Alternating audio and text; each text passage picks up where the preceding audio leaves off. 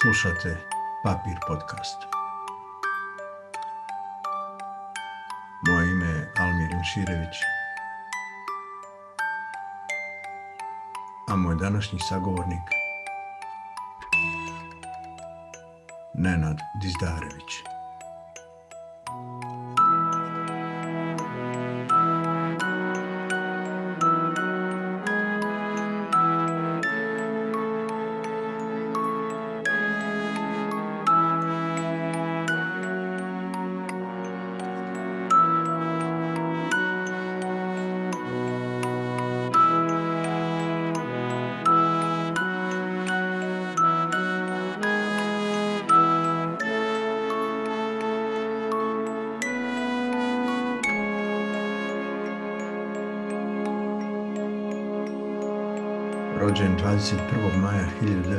1955. godine u Sarajevu.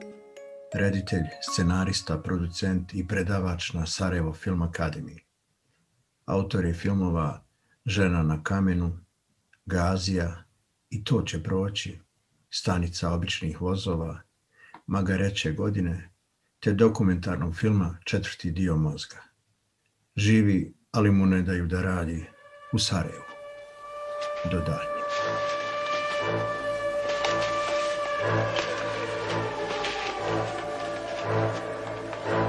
Michel.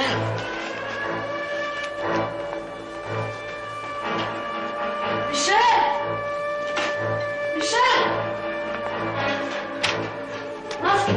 Gdje su mi maske? Kakve te maske spopale, oblači se i polazi, ajde! Gdje su maske?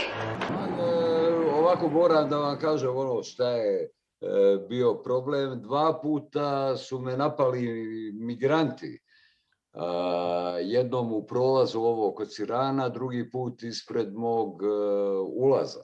I nosio sam gips e, tri nedelje, tri prsta su mi slomljena. Zbog toga nisam bio dobar. e, Fizički je jedno, ali je to trauma. Jel? Užas, to mi nije palo na pamet, pomislio sam da su problemi ovo korona ili nešto. Ne, Ne zna čovjek sad ne, šta je ne, gore. Ne, ne, nego ovo, jednom prolazu ovog e, kod Sirana, drugi put bukvalno ja otključavao vrata od svog stubišta, napali me u roku od 20 sekundi profesionalci. Uzeli mi telefon, dakle i prvi put telefon i e, opljačkali me i tako dalje. Druga stvar, to nisu ovi e, migranti za koje ja imam potpunu empatiju ovo Pakistan i tako dalje i tako dalje. Oni su bolje obučeni nego vi i ja zajedno. I mladi i profesionalni, mene su, kažem vam, odradili prvi i drugi put u roku od 20 sekundi. To mi nije palo na pamet, mislim čuo sam sličnih priča, ali baš, Da, baš bez riječi ostavi. ne. Ali ono, epicentar grada i to recimo u pola sedam na večer. Dakle, nije to 11, nije to jedan e, ili ne znam nijako je, nego pola sedam. To je neko normalno vrijeme. Ali dobro, proći će, ali kažem e, pored te neke fizičke e, boli i tog gipsa i tri slomljena prsta, e, druga je stvar, kažem ta na neki način trauma, mislim, u mojim godinama neko da. me dva put istruče, opljačka i A recite mi ovo, kako ostale stvari po pitanju ovo, pandemije, kako se nosite? ne, sve ok, sve ok, pridržavam se, ono, dva mjesta imam, e, dakle stan i onaj moj kafić e, kod suce, tamo je standardna raja, ima distance, ima sve, to je 200 metara od moje kuće, dakle to su samo dva mjesta gdje, gdje jesam, jel? E, prema tome nemam, uzimam one neke vitamine D, C, e, vamo tamo sve što preporučuju, No da, kao i svi. Ma da, mislim, šta ja znam, ja ne želim da postanem paranoik. Trudim se da svaki dan izađem, barem to kažem vam do cuce, ne hodam okolo, e, nigdje me nema drugo, sem to. Pričat ćemo o poslovima i idejama, ali me zanima, evo i zbog pandemije, ali i zbog drugih stvari. Znam da ste bili jeste putnik, ono, koliko vam to nedostaje? Kako ja kažem, ja imam neku možda e, odbrambeni taj neki mehanizam. E, Ko zna zašto je to dobro. Ja sam sad pročitao toliko knjiga i vidio nekih filmova koje sam stalno nešto negdje slagao. A ta putovanja, naravno, da su smanjena, da ih e, nema, da mi to fali, fali, ali svakom fali, mislim. A to vas pitam, pošto čovjek kad pogleda vašu biografiju, nekako ne može da nema tu asocijaciju, da, ne, da mu ne padne u na pamet putovanja. Vi ste, ne znam koliko tačno godina vezani za Sarajevo sa prekidima manjim, većim, ali vas ima svuda po svijetu. Vi ste Ima, ima, ima, ima. Ljudi koji ne znaju, jel, vi ste iz porodice, oca diplomate, pa ste bili, porodica je bila vezana i za Irak, Alžir, Francusku, Srbiju, gdje ste, sve, gdje ste vi živjeli. Kako izgleda? I u Parizu sam živio 10 godina, 12 godina. Pa gdje u stvari, Nenad, kad se kaže odrastanje, šta vam prvo padne na pamet? U kojem ste jeziku odrastali? Je ovako, moj odgovor je za 12 godina školovanja promijenio sam 13 škola. I koliko jezika? Eto, tri. To, je, to je na neki način odgovora, ali to je bogatstvo. E, znate šta? E, ja ovdje sa svojim, naravno, predivnim prijateljima koji su bili čitavo vrijeme u Sarajevu i ono osnovna škola, srednja škola, fakulteti zajedno i tako dalje. A ja sam bio u toj nekoj, kako ja kažem, u tim nekim okolnostima gdje u svaku novu sredinu gdje se dođe mora se dokazivati na neki način. Druga je jedna je stvar u prvom razredu osnovne škole, druga je u šestom, treća u osmom. E, dakle, sve su to na neki način kako se, ono, ne kažem, namet, mislim, nametnuti, ali biti prihvaćen e, pokazati neke kvalitete, nešto. I, dakle, stalna je borba bila. Jel? E, I što je meni ono, drago. A ili ima slično, mislim sad je to možda malo novinarsko pitanje, ali kad pogledam recimo ove zemlje koje sam pobrojao, pokušavam vidjeti, ono, naći veze, ne mogu pobjeći od toga, koliko su te kulture mogle uticati na Nenada Dizdarevića, reditelja, koliko su odrastanju uticale, na koji način, šta, šta je... A, kako da ne, pa kako da ne, pa mislim, čim se otvorite, a pogotovo u tim nekim godinama, dakle 60. godine, odrastanje u tom nekom Iraku, Alžiru, te otkrivati recimo te neke kurde, taj, ta borba protiv imperialista, oslobođenje zemalja, praktično učestvovanje u nekim stvarima koje malo ko a pogotovo u tim godinama je vidio i učestvovao, mislim, učestvovao u tome, bio svjedokom toga, jel? Dakle, nisu to male stvari, nisu to male stvari, naravno. E, Pariz je došao e, između 71. i 75. godine, ja sam već tad bio ono, od 16 do 21. godine, jel? Tad je drugo neko sazrijevanje i otkrivanje nekih drugih e, vrijednosti imana. Tako da, kako da ne, sve je to i tekako, i tekako, i tekako uticalo, bez obzira što e, može da izgleda da je to bilo kao pasivno. Ne, nije. Čim ste vi tamo, na neki način ste aktivni, jer idete u školu, idete sa tim nekim e, domaćim ljudima, jel?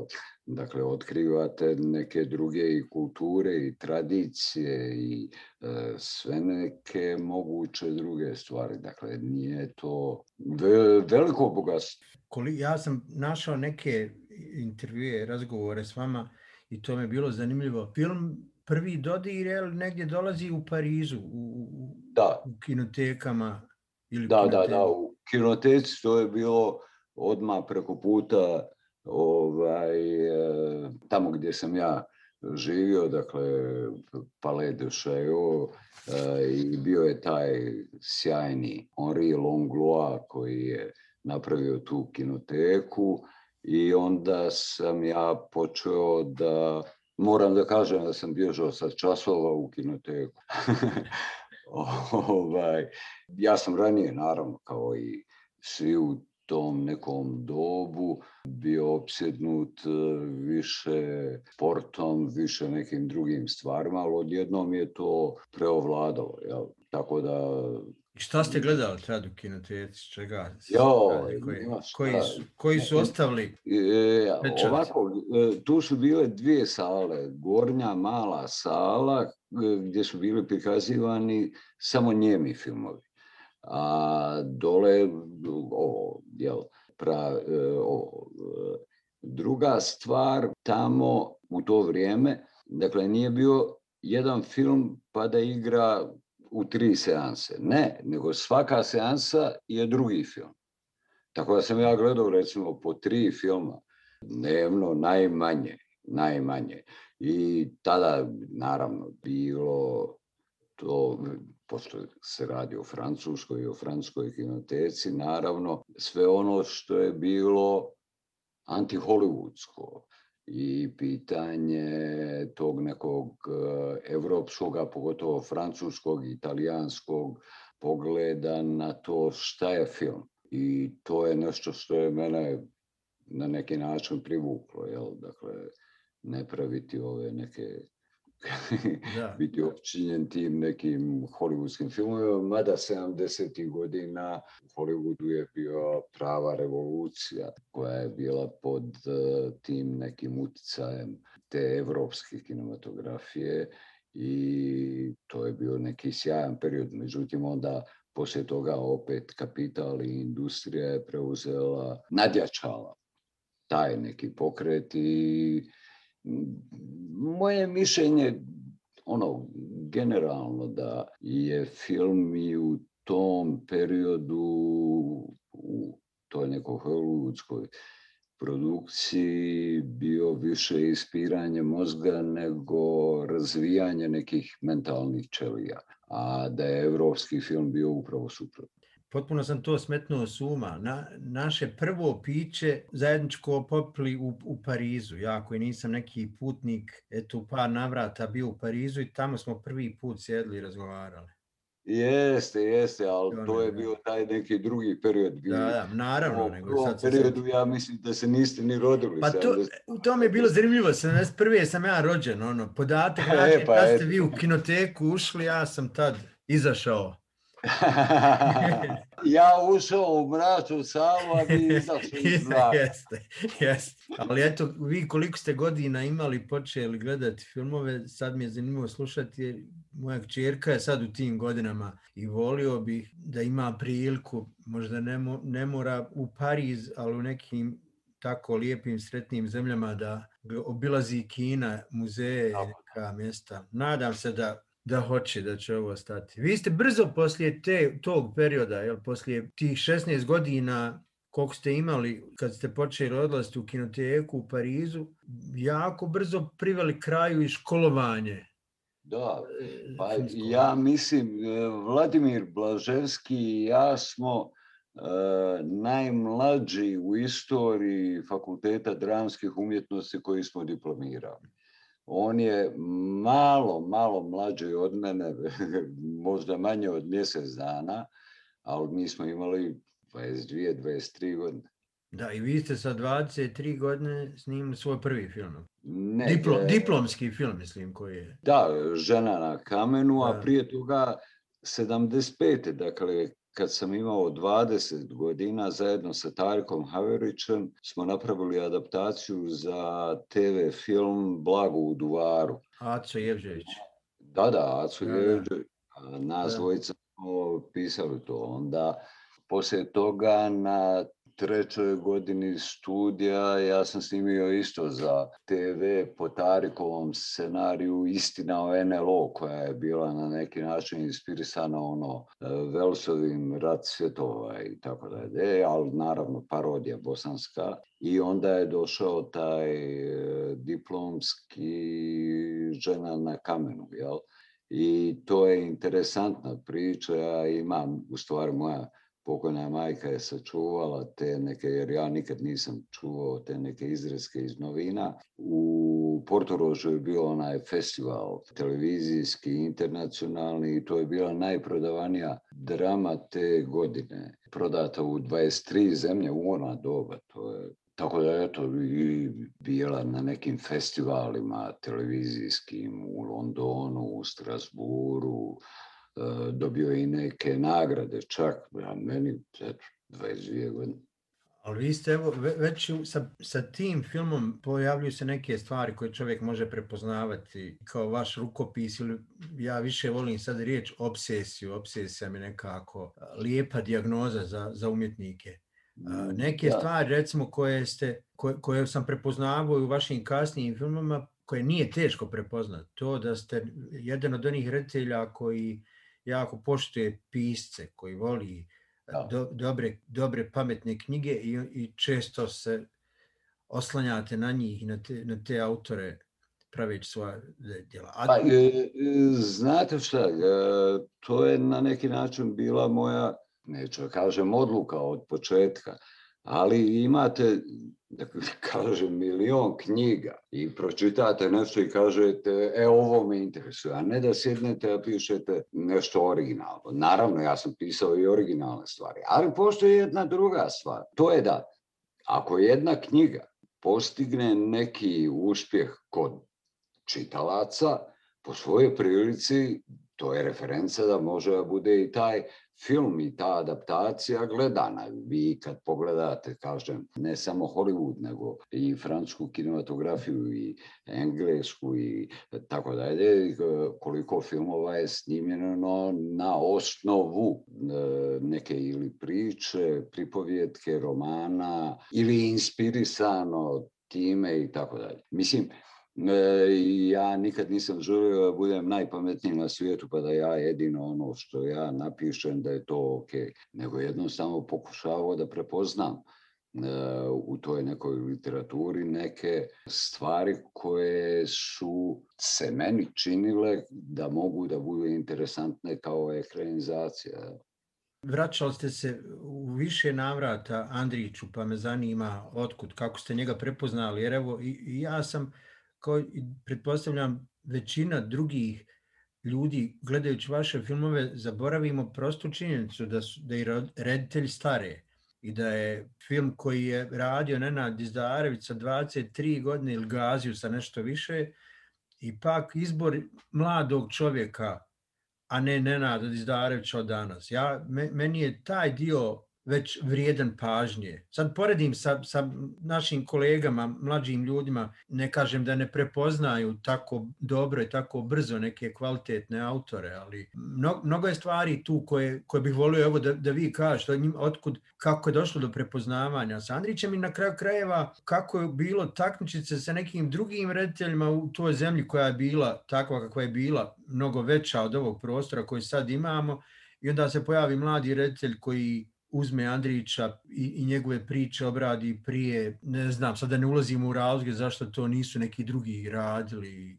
Tu možda imaju dvije, tri stvari koje su spojene sad sa ove neke istorijske distance. Naime, prvo ja sam bio opsjednut uh, Andrićem, uh, njegovim pričama, ja sam imao čak i taj poslije žene na kamenu serijal od uh, polusatnih drama, od uh, Zmije, Čuda u olovu i tako dalje, koje su bile provokacija za vizualizaciju. Međutim, u to vrijeme je Andrić bio nedodirljiv ono, otprilike nema teorije da neko njega može da adaptira. Jel? I možda je to bila isto ta neka motivacija mladom, drčnom, redite, eh, ja ću uraditi to. Ja se sjećam, Gaziju sam snimao 80. godine, 80. 81. godina i to je spoj te neke tri pripovjetke Mustafa Mađar, Put Alije Džerzeleza i Smrt u Sinanovoj. To odbijanje e, svih, kako može pod jedan Andrića, pod dva, te tri pripovjetke da spoji u jedno. I ja sam govorio da je Gazija taj proizvod, ta dva lika Mustafe Mađara i Ali Džerzeleza koji su u nekoj suprotnosti i tako dalje i tako. Moram da ispričam anegdotu. Veliki prijatelj moje familije, mog oca prije svega i veliki poštovalac i poznavalac e, lika i dijela e, Ive Andrića, Zuko Džumhur, kojem je jedino Andrić napisao predgovor i ja njemu ovaj, pokažem scenarij. I on kaže, ma, ali po prvi put sam ga vidio toliko, toliko, toliko bijesno, kako ti i tako dalje. I ja ipak izdržim i snimim. Na kraju, dakle, 81. godine u politici je bilo ono negdje u decembru mjesecu šta je za vas kulturni događaj sezone. E, dakle, bila su dva neka list, e, lista i poznati ljudi i on stavi Gaziju na treće mjesto za njegov, ovaj, šta je za njega kulturni događaj te godine bio. Tako da, eto, dobio sam te neke bitke i moram da kažem jednu stvar. Sad, eto, ja mislim da i vi to pratite. Toliko se puta vrtio u zadnjim godinama taj Gazija, jel? Sve bolje i bolje su kritike. Ono što jeste pitanje razlike između filma i recimo pozorište, jel? Film se pravi za sva vremena i za sve prostore. Dakle, vi možete Chaplina da vidite i u Latinskoj Americi i u Japanu, jel? a predstave ne možete. Jel? Ja uvijek kada sam pravio ili režirao uh, filmove, uvijek sam razmišljao o tome kako će taj neko u Čileu ili u Japanu, da li će shvatiti koliko treba da bude količina informacija, koliko treba da bude koje su pitanje, e, kako se ispriča priča, koji su likovi, koje su emocije i tako dalje ali bukvalno iz te neke perspektive šta će neko reći za 15, 20, 25 godina, 50 godina, negdje ako otkrije u nekoj arhivi i tako dalje, koje će biti njegovo mišljenje? Preskakat ćemo da ne idemo po redu film po film kako ste radili, nego pada mi na pamet kako gledate vi kao autor film poslije toliko godina i kako kontekst promijenjen, šta se desi sa filmom. Konkretno u, u vašim filmama to, eto, ne brinem se kako ga u Čileu gleda, nego kako smo se mi promijenili, kako se ovaj prostor promijenio, pa sad odjednom ta Gazija nije više Gazija od prije 30 da. godina. I, I u svakom vašem filmu to, to postoji. Evo, da nabram, nismo ga neki... Da, da, ali to što ste sad rekli je meni veliki kompliment i upravo e, potvrđuje ovo moj pristup pravljenju filmova. Jel? E, dakle, e, nije to... Znate, u to vrijeme, dakle u jugoslovenskoj kinematografiji koja je bila sjajna, fenomenalna, tada su bile ono savremene teme, ona iz bogate familije, a on pa neke melodrame, pa neke kao komedije i tako dalje. I vjerujte da 70-80% tih filmova su zaboravljeni. Izvinjavam se, možda ovo pregrubo. A ovaj, ja sam bio i od te mlađe generacije tih reditelja, bio na neki način autiran. E, jer kako ti možda se baviš Andrićem nekim godinama prošlim, kad ima toliko savremenih tema. I sve je bilo kao savremena tema, to je, i time se treba baviti. Ja se izvinjavam, ali ako neka tema koja jeste u istorijskim nekim okolnostima, ali ona je vječna jer e, izvlače se neke stvari koje su vječni problem, a ne savremena tema. Šta, njih dvoje se vole, a mama je protiv toga. Mislim, to mene ne zanima. Puno je detalja. Ja, ja priznam, sad sam ovih dana i pogledao neke dijelove ponovo spremajući se za ovaj naš razgovor. O pravu ste, pratio sam proteklih mjeseci kako se često dešavalo da na nekim televizijama, to na naših što, susjednih zemalja, ponove emitovanje nekih od tih filmova. I, I to mi je svaki put drago. To pogledam i to kažem, ko neko ko radi predaje na akademiji, pa mi drago da studenti imaju mjesto gdje pogledaju ne samo vaše, nego da. još neke pametne filmove. Ali evo sve, sve spojeno je sa ovom pričom o, o piscima koje poštujete, a sa druge strane o, takve ljude ste okupljali u svoju ekipu. Mislim sad na, na scenariste. I to će proći radio je Abdullah Sidran. Da. Na, ali meni još zanimljivija saradnja koja se često ponavljala, to je rad sa Tarkom Haverićem. Čovjeka koja iznimno cijenim u svemu što radi, mislim da je izvrstan i žao mi je što nije, sad nije moje da to govorim, vjerovatno, ali eto, u sudce i to reći na glas. Meni je žao što on nije prisutniji, što nije glasniji, što se pojavile nove generacije ljudi koji se iznenade kad čuju da Tarik Haveć, koga sada povremeno vide na televiziji kad priča o politici, kad im ukažemo šta je sve Tarik Haveć radio. Ma da, on je bio urednik na televiziji. Treba imati jednu stvar u vidu. Ja sam rođen u tom nekom sretnom periodu kada je e, recimo televizija Sarajevo buknula. To je bilo ono e, i napravljen taj novi dom. Tada je snimano osam drama i serija godišnje. Mislim, zamislite sad da ima neku mogućnost da snima osam drama i jednu seriju. Jel? I to je bilo u ekspanziji cijela ta, pogotovo Sarajevo u, to, u tom periodu, i to je bila eksplozija i nas je malo bilo koji smo završili ovaj, te neke škole i došli ovde. Bio je Sulejman Kupusović, bio je Tarik Haverić, bio je Emir Kusturica, bio sam ja i to je. I mi smo napravili akademiju. Mi smo napravili akademiju. Jer E, tada su bile, e, ovo je posle digresija u odnosu na ono što ste pitali, ali tada e, je bilo dvije truje oko toga da se napravi akademija ili ne. Akademija je skupa, puno profesora, malo studenta, pogotovo što smo krenuli samo od glume. Dakle, bilo je, e, jedna kaže, pa nije problem da ćemo mi stipendiju gdje treba da ide u Pragu, u Zagreb, u Beograd, u Los Angeles, nije problem, ali škola je skupa. A mi smo htjeli upravo to, dakle mi mladi koji smo završili to, da ovde to bude. Ja stalno govorim jednu stvar, par intervjua, evo i vama ću to ponoviti.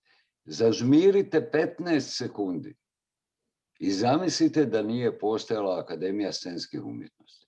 Vi ne bi imali sada glumaca, ko bi igrao u Narodnom pozorištu, u kamernom teatru, u pozorištu mladih, u Tuzli, Banja Luci, ko bi dobio Oskare i razne medvjede i e, razne i tako dalje i tako dalje. E, ja stalno govorim ono, naravno u šali, Narodno pozorište bi bilo Nargila bar, Čevabđinca, Burekđinca, Aščinica i Lahi Kaside.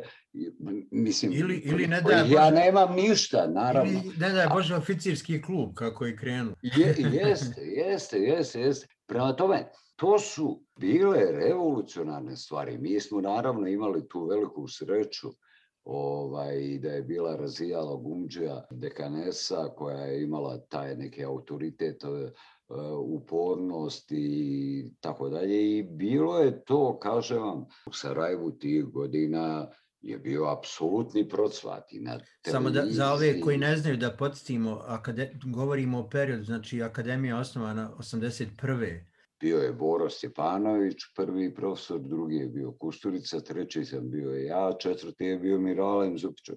I to je naravno sa saradnicima sjajnim i tako dalje, ali govorimo o onome koji su bili ono završila ili završio u klasi. Ali kažem, e, opet, zažmirite 15 sekundi. A lijepa stvar kad spominjete akademiju i, i pojavu prvih glumaca školovanih u Bosni i Hercegovini Sarajevu, da ste vi lijepo nastavili tu saradnju i, i pokazali to u praksi koliko je važno. Mislim najprije na vaše filmove. Evo sad film koji sam spomenuo i to će proći, ali oni su tad bili studenti ili tek završili, a ne Da, da, da, siguran. da, prva godina. Prva godina. Ma je Senad, Senad, Bašić, ne Ma znam. da, kako da ne, ma kako da ne. I stanici običnih vozova, Da.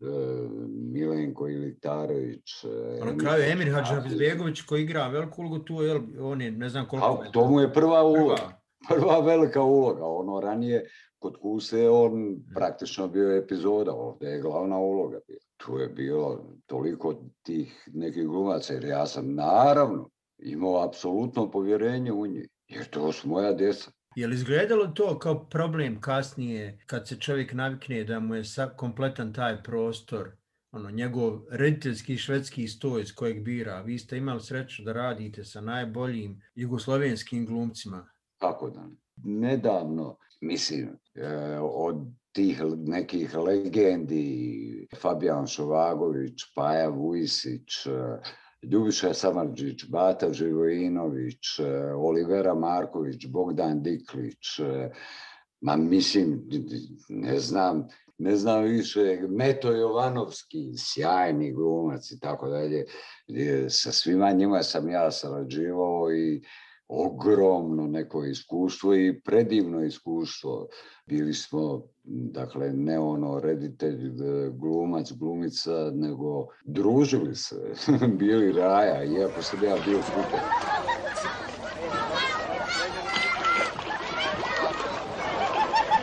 I tu ruki. I to ci ruki. Es geht alles vorbei, Herr Feldwebel. Eine serbische Dummheit, Herr Feldwebel. Nedavno je bila, pošto sam ja napravio i seriju od tri epizode, nedavno je to bilo na televiziji, pa sam ono ponovo gledao. To je film koji je bio na ne znam nija festivala, dobio ne znam nija koliko nagrada. To je bila opet ta potreba iz Andrićevog ugla gledanja da se ne prave propagandni filmovi, nego an- kako jedan običan čovjek postane antifašista. Jel? Kako jedan, kako jedan, kako kažem, u familiji, u trećem redu, kako postaje na neki način heroj. Dakle, ne ono juriš e, i tako dalje, nego jednostavno transformacija jednog lika u datim okolnosti, gdje okolnosti utiču na njegov preobražaj. Meni postoji tu scena, negdje ona na samom početku filma koja danas kad gledam taj film uvijek mi je ta scena neka vrsta ključa za ovo vrijeme koje živimo sad, ali namjerno biram nešto što je može se shvatiti kao patetično, ali čini mi se jako važnim, a to je scena u kojoj Isidor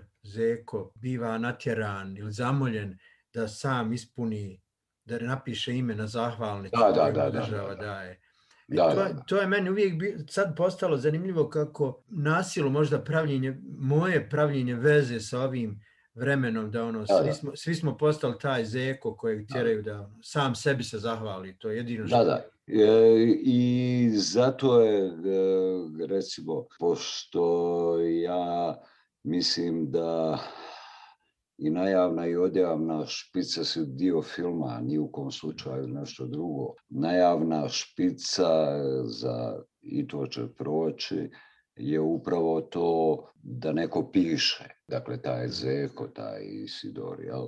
I to je to, dakle, i to neko ponižavanje. On ide u penziju, oni mu kažu, aj taj, ti fino pišeš, aj ti sam sebi ispuni. To, dakle, potpuno je na neki način onaj e, donio ovo u pravu ste kao što i dan danas živimo. Jel? Ali eto tamo, e, to je moj drag hobi, pa zato ga se i sjećam iz tog filma kao važnog. u jednom trenutku Isidor kupuje štap za ribolov, ali šta Nenad bira, šta, šta kupi od opreme da bi mu bilo lako? Mogu li da vam dam neki indirektan odgovor? Naravno. Ja sam imao jako mudrog, pametnog oca koji je meni, kad mi je bilo dakle 16-17 godina, rekao jednu stvar. Nemoj nikad u životu žaliti za onim šta si uradio, nego možeš jedino da žališ za onim što nisi uradio, a mogao si. I to je nešto, e, ta neka e, filozofija me je držala do nedavno. Sada, e, kad razgovaramo, ja žalim što sam se vratio u Sarajevo i pokušao nešto da napravim ovde i da napravim tu školu i tako dalje. Ja 25 godina nisam snimio kadra jer ne daju. Zato što ne valja ime, ne valja prezime i ne valja na neki način taj neki background. Dakle, ja sad razmišljam, ne samo da razmišljam, nego moja je odluka da definitivno odem iz Sarajeva, jer jednostavno e, za mene nema tog nečega o čemu ste vi pitali, jel? čime, šta ja, koji štap i tako dalje. Ja mislim da sam u nekoj punoj snazi i mislim da negdje drugdje moji neki kvaliteti će biti prepoznati. Jel? Ovo je sredina koju ja volim i obožavam zbog društva, raje, e, finog druženja, ali ovo što se tiče profesije, što se tiče tog nekog pravog rada, za mene ovdje nema mjesta. Meni je žao što to čim, naravno niste, nažalost niste jedini koji tako Naravno, misli. ne, ne mislim ja da sam ja. Naravno. Ne, nego kažem, žao mi je, ali s druge strane volio bi i vama i svima drugima da se ispuni, da bude, da vjerujem da postoje ta mjesta druga na kojima žive ljudi kojima neće biti problem ni vaše ni neka druga imena. Kako da ne? Pa i ja, vi, e, jedno od pitanja, vi ste vidjeli gdje sam ja sve predavao, gdje sam ja sve bivao i tako da. Ja imam poziva i dan danas. Do nedavno sam nešto odbijao i htio nešto da napravim ovdje. Sad kad sam vidio da je to iluzorno, sad sam u kontaktima i vrlo brzo, vrlo brzo, mislim naravno ova pandemija na neki način neke stvari usporava ili, e, jel, ali vrlo brzo, vrlo brzo ću ja pobjeći odavde, dolaziti ovdje kao turista na 15-20 dana da vidim e, dobre ljude, prijatelje i tako dalje, ali ovdje živjeti i raditi, to je barem iz moje neke perspektive, iz mog nekog iskustva, e, slično e, samoubistvo. Meni je zato važno evo, i ovaj razgovor i da, da to zabilježim. Nisam u poziciji da, da, da pomognem i da mijenjam te stvari, ali evo mali trag. Volio bi da tako mislim, da, da, trudim se da vjerujem u to, da i ovo jel, zapišem pa da kažem, bar da sam i dijelio isto mišljenje i da nekom je pokažem ovo, postoje ljudi koje smo mi zajedno otjerali poslije rata. I Ne, pa ja sam se vratio. E, Ja sam imao sjajnu karijeru u Francuskoj. Sjajno, ali sam pokušao nešto da napravim ovdje. Jel?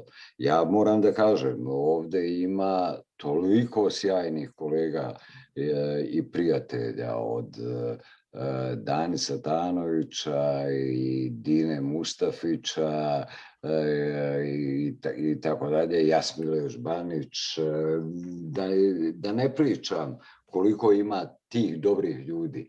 E, Znate, i kad je Danis dolazio u Pariz, ja sam tad živio, e, ja sam pokušao da mu pomognem. Naravno, njemu nije bila potrebna pomoć, ali je to bio moj dio. E, Dino, kad je snimao remake u Parizu, pošto ne zna francuski, e, ja sam bio tamo čitavo vrijeme da radim sa glumcima. On meni kaže šta bih htio, onda ja radim sa njima e, i tako dalje. Jel? I naravno pro bono, nikad nije bilo pitanje ono nešto, nekih honorari i tako dalje. Nije, to su pitanje tih nekih kolegijalnih stvari. Isto, njih dvojica, među ostalim, kad sam ja osnovao ovaj Sarajevo Film Akademiji, su bili prvi koji su došli isto pro bono da predaju i da mi daju podršku. Mislim, to su te neke predivne stvari. Je, recimo, predivni Alen Drljević, gdje sam ja imao tu neku privilegiju da od prve e, ruke do grubog šnita e, muškarci ne plaću, da sam ja uključen. Fenomenalno. Ali kažem vam, on je imao 13 varijanti, ali početka, ja sam bio skoro prvi čitač.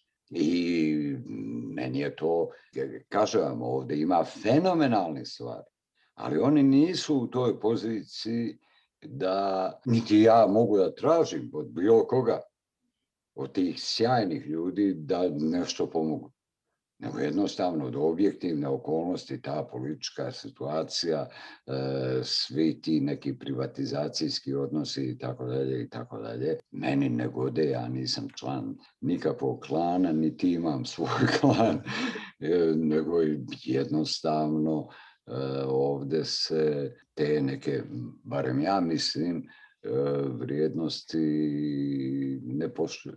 A je li vas strah bar malo da ste praveći svoje filmove, ono kako je govorio Borges za, za pisanje, napravili vlastiti, auto, vlastiti portret. E, mislim, sad slušajući vas, kad govorite, ne znam kako drugačije imenovati, nego o razočarenju svim ovim što živite proteklih godina, kako ste u svojim filmovima gotovo iscrtali svoju sudbinu, praveći one likove.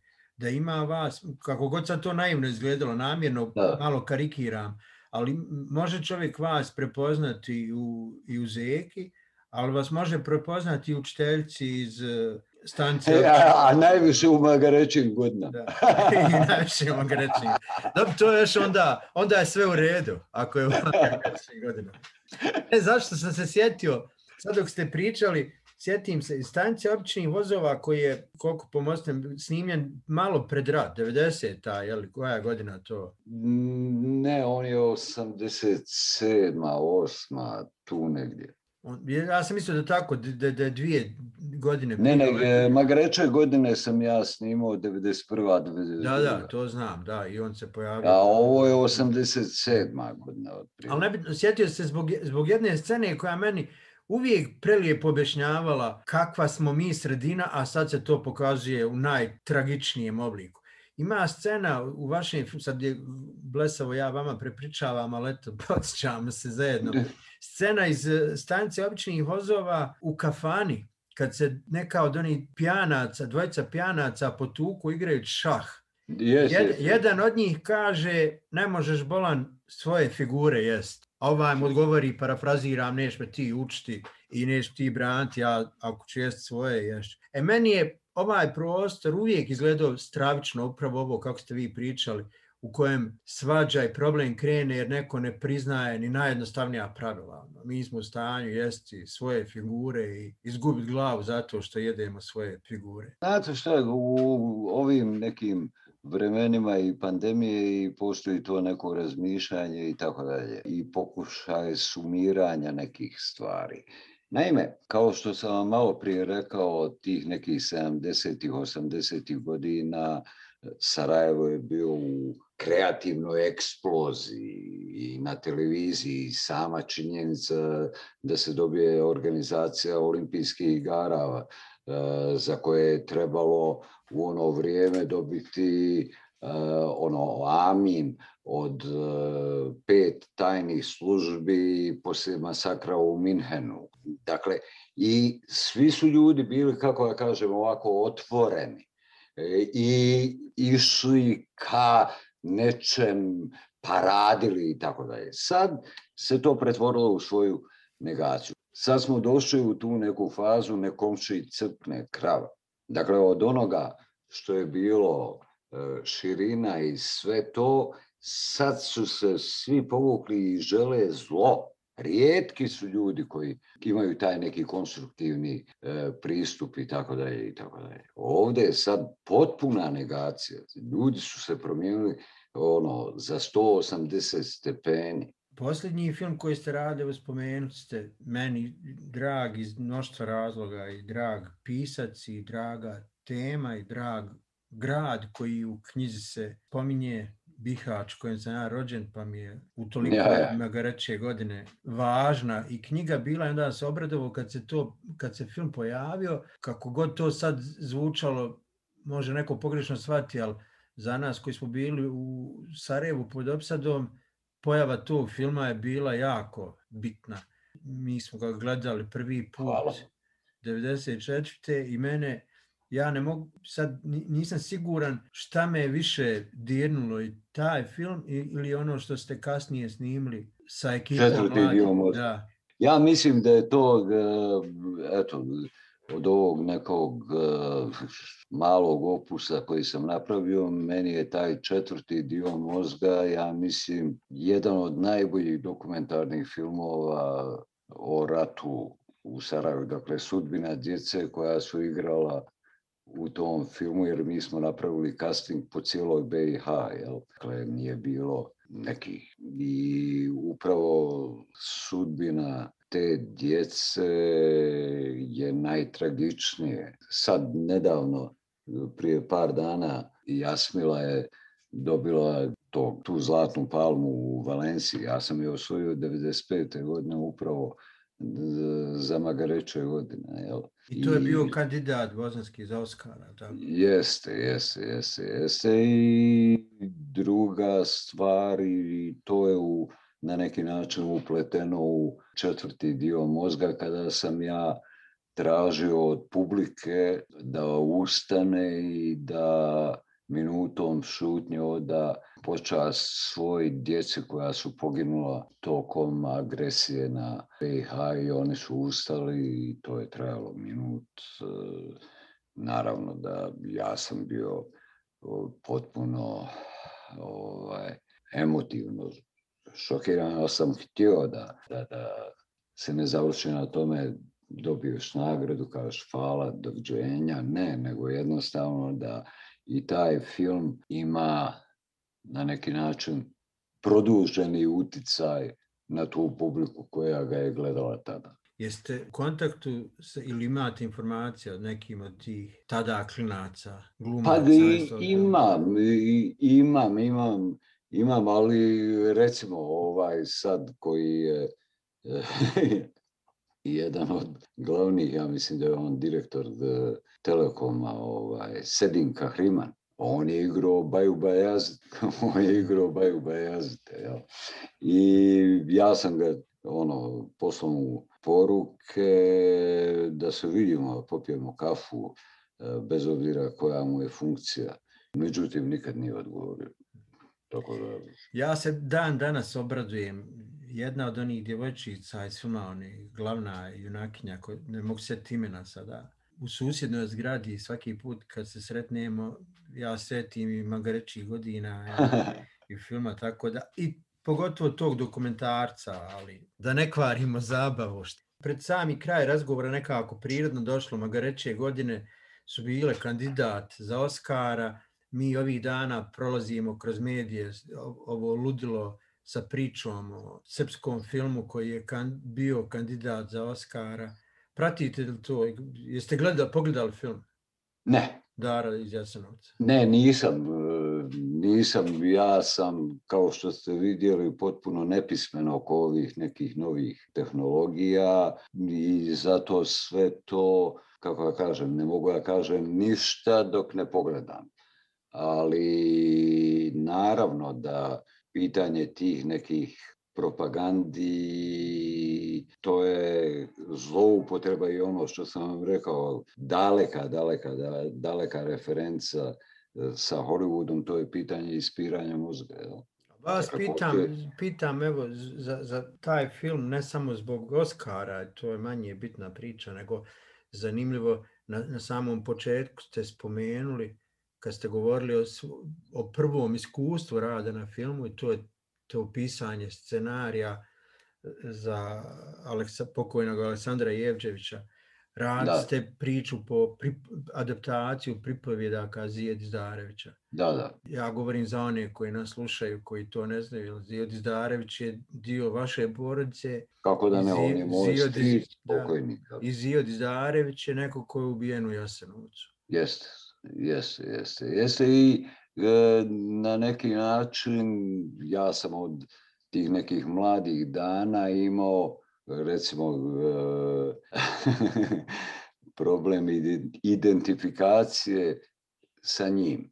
E, jer on je, kad pročitate ono pismo Branka Čopića, Dragi Zio i tako dalje, dobro, to je bilo e, kasnije, ali te njegove pripovjetke i to da je on jedan od rijetkih iz te ogromne familije koji se bavio umjetnošću i koji je uspio i ono što mi je pokojni Jan Beran koji je bio veliki poznavalac i literature i svega toga, dan kada je umro Ivo Andrić kaže ne bi mi njega ovoliko žalili da je Zio ostao živ. Jer Zio je e, sa 26 godina ubijen. 26 godina je njemu bio. Ako ima lijepa strana i utjeha nekih finih ljudi ste bili, bili okupili oko sebe i za njihova života i kroz njihove, ra, njihova, njihove knjige i Andrića i Čopića i Ziju i, i to mi je sjajno. I opet sad dolazim do ovog, ne znam drugu riječ, ali razočarenja zbog vaše odluke koju poštujem. Ali zbog nje moram spomenuti da, i da vas pitam, zato znam da ste prije ne znam kog vremena, koliko ima tome kad je bilo, jedno vrijeme ste razmišljali da i, i bili ozbiljno, razmi- ra- ozbiljno razmišljali o kandidaturi za gradonačelnika Sarajeva. Da, I šta, šta se desilo? To je vrijeme, jel, to je vrijeme kad je Skaka postao gradonačelnik. Ja mislim, ali to je bio upravo na neki način taj neki revolt, neki bunt. Ja sam rođeni Sarajlija, znate me, i mislio sam da treba ta neka nestranačka ličnost, e, neko ko voli taj grad koji, jel, to je bio revolt. Ja sam znao da nema teorije, naravno, pored svih ovih e, struja, partija, stranaka i tako dalje, ali jednostavno je to bio isto pokušaj probuditi neku svijest. Ne znam, ali otprilike znao sam ja da nema teorije, ali to je bio pokušaj tog nekog bunta, jel? Ništa, ja vam mogu jedino poželjeti da gdje god da odete, da radite još dobrih f- filmova, da čitate pametnih knjiga, da se okružite opet sa tim nekim pametnim, dobrim ljudima. A boga mi, ako budete zainteresovani, što da ne, da budete gradonačelnik nekog manjeg lijepog mjesta, recimo,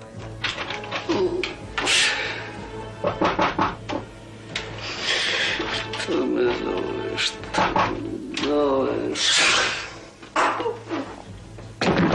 Otvaraj! Čuješ? Zeko! Ostavite me na miru. Bojim se, Bože.